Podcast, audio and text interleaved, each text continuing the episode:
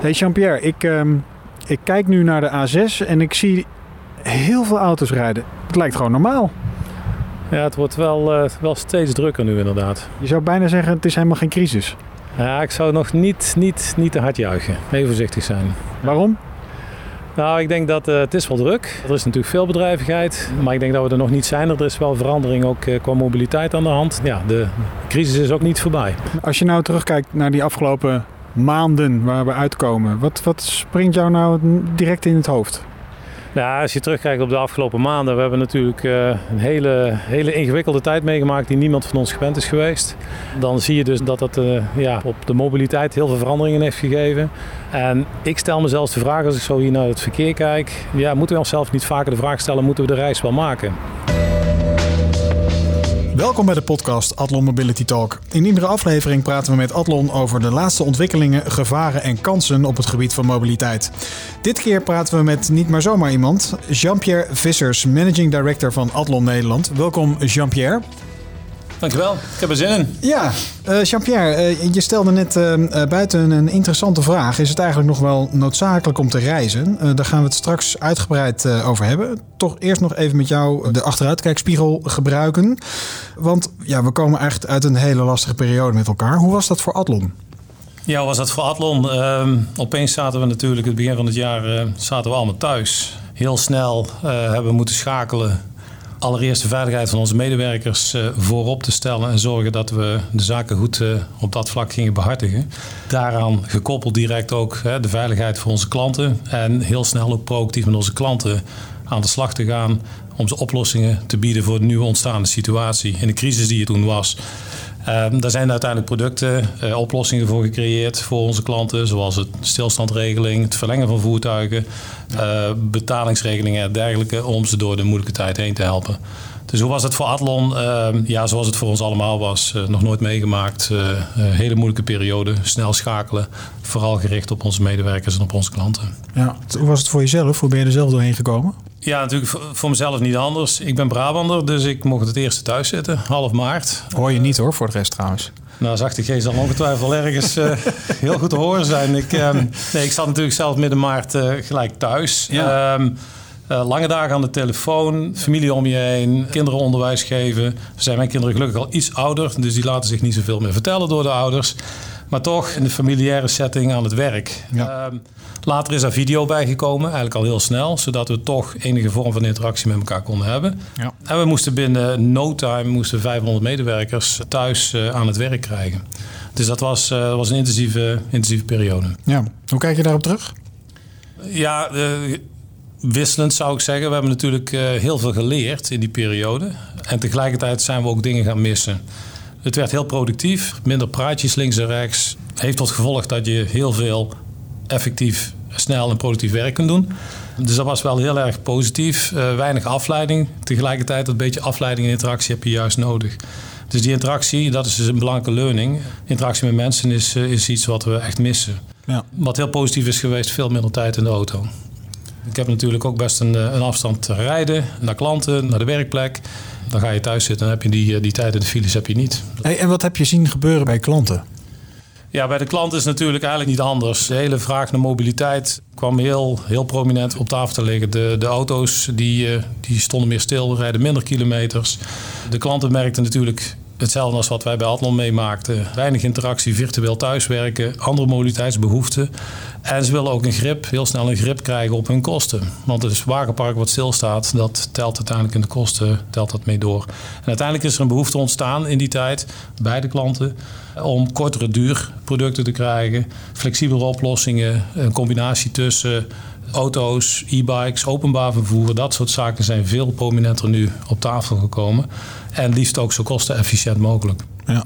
Ja, nou, deze crisis is natuurlijk op alle gebieden uh, vreselijk. Maar uh, is er naar jouw idee ook sprake van uh, positieve effecten? Ik hoor jou net al zeggen van de reistijd is, is afgenomen. Dat is positief, maar voor de rest? Ja, sowieso positief. Ik heb zojuist toen we van buiten naar binnen kwamen ook gezegd dat het thuiswerken is ineens ook veel meer geaccepteerd. Want we moesten wel. Daardoor konden mensen ook gewoon flexibeler op een flexibelere manier hun tijd indelen. Minder tijd doorbrengen, vaak ook privé-tijd doorbrengen in de auto. De indeling van de dag die kan beter gemaakt worden. En tegelijkertijd zagen wij ook iets heel anders. Het effect op het milieu was, uh, was heel bijzonder, om op zijn zachtst uh, gezegd uh, zo te stellen. Ja. Dus het versnelt ook de maatregelen op duurzaamheidsgebied. En uiteindelijk andere vormen van mobiliteit worden ineens steeds nadrukkelijker op de agenda gezet. Ja, ja. Ja, we, hebben, we hebben geen idee hoe deze crisis nog zich gaat ontwikkelen. Hè? Maar qua economie maken we nu een historische krimp mee. Toch zijn de voortekenen, ook al is het met een potloodje geschreven, uh, gunstig. We veren volgend jaar terug, denken de, denken de economen. In de autowereld zeg je dan dat we een U-turn maken. Of hoe, hoe kijk jij daar tegenaan? Ja, de U-turn is natuurlijk een mooie automobiel uh, of een mobiliteitskreet, zou ik bijna ja. zeggen. Ik heb vandaag de term gehoord, een uh, K-turn.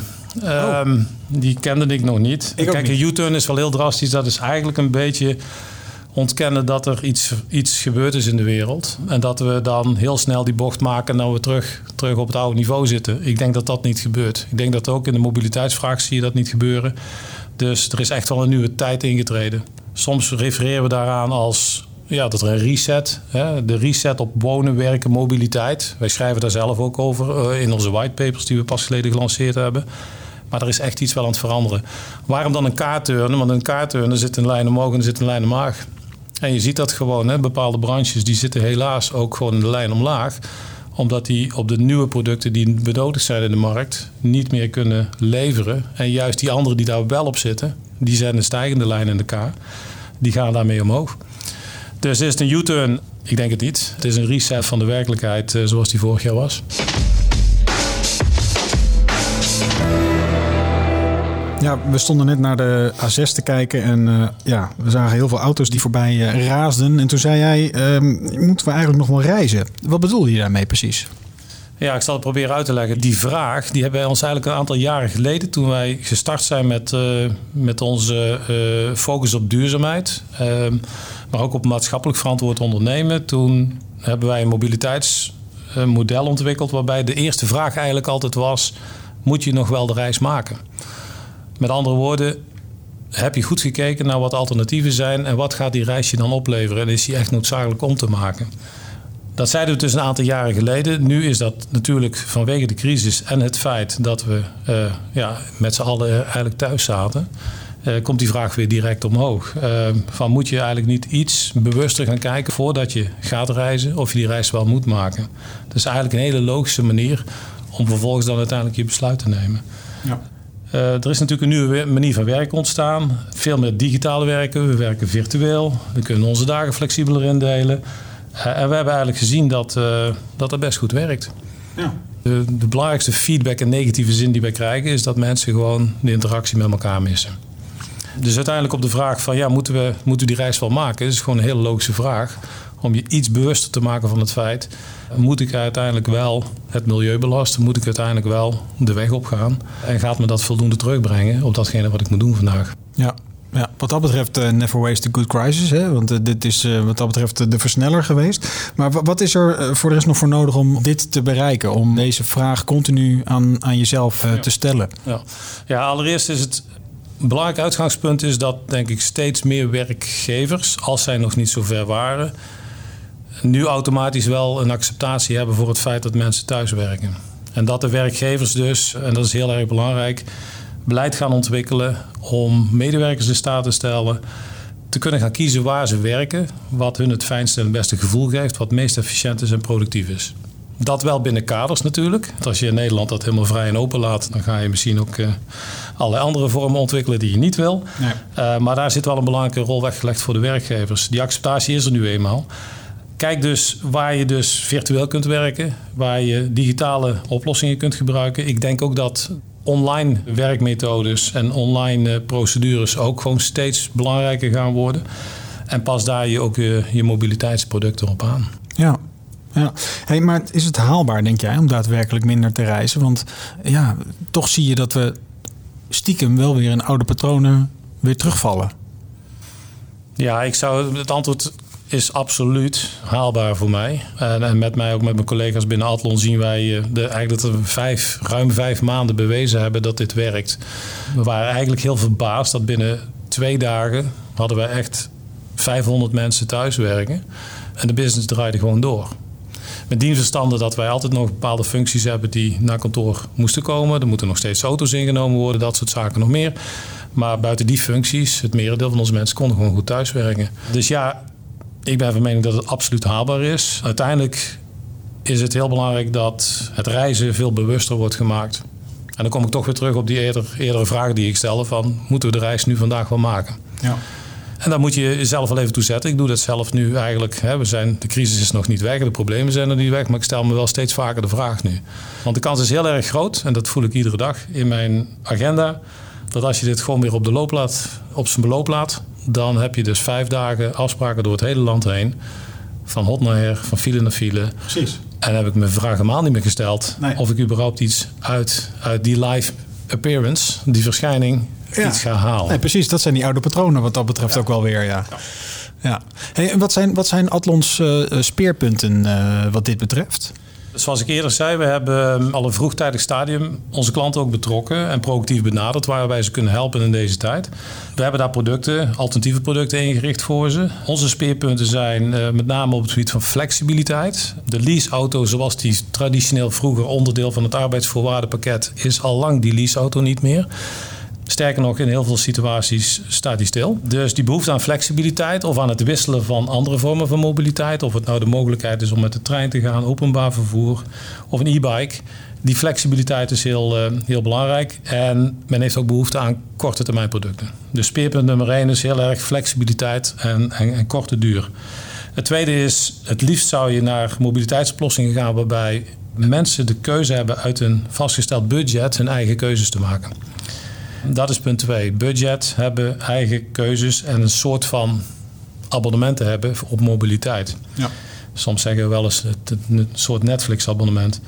Het derde is zoveel mogelijk online, waar we op, op, op inzetten. En online in de zin vandaag kiezen, morgen gebruiken. En je merkt al, dat zijn kortere lijnen, het gaat ook sneller. Het laatste punt wat ik wilde noemen waar we heel erg op inzetten is duurzaamheid. Dat is ons nog meer dan duidelijk geworden nu in deze crisis. Um, en dat betekent voor ons heel concreet heel veel inzet op EV en PHEV. Dat hebben we onlangs ja, onder het mom van Practice What You Preach ook in onze eigen mobiliteitspolicy geïntroduceerd in Atlon. Waarbij de keuzes alleen nog maar EV of PHEV zijn. Ja.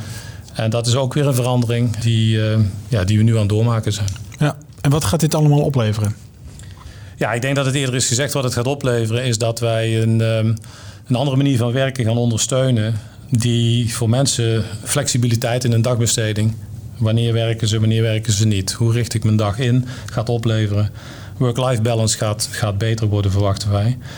Minder files, daar wordt iedereen happy van. Dit is ook nog eens goed voor de planeet ook. Ja. Dus eh, er komt heel veel voor terug. Uiteindelijk gewoon tevreden werknemers, tevreden klanten. Ja. En dat is nog steeds waar het, uh, waar het om gaat. En wat is, wat is essentieel om nu op te pakken, denk jij?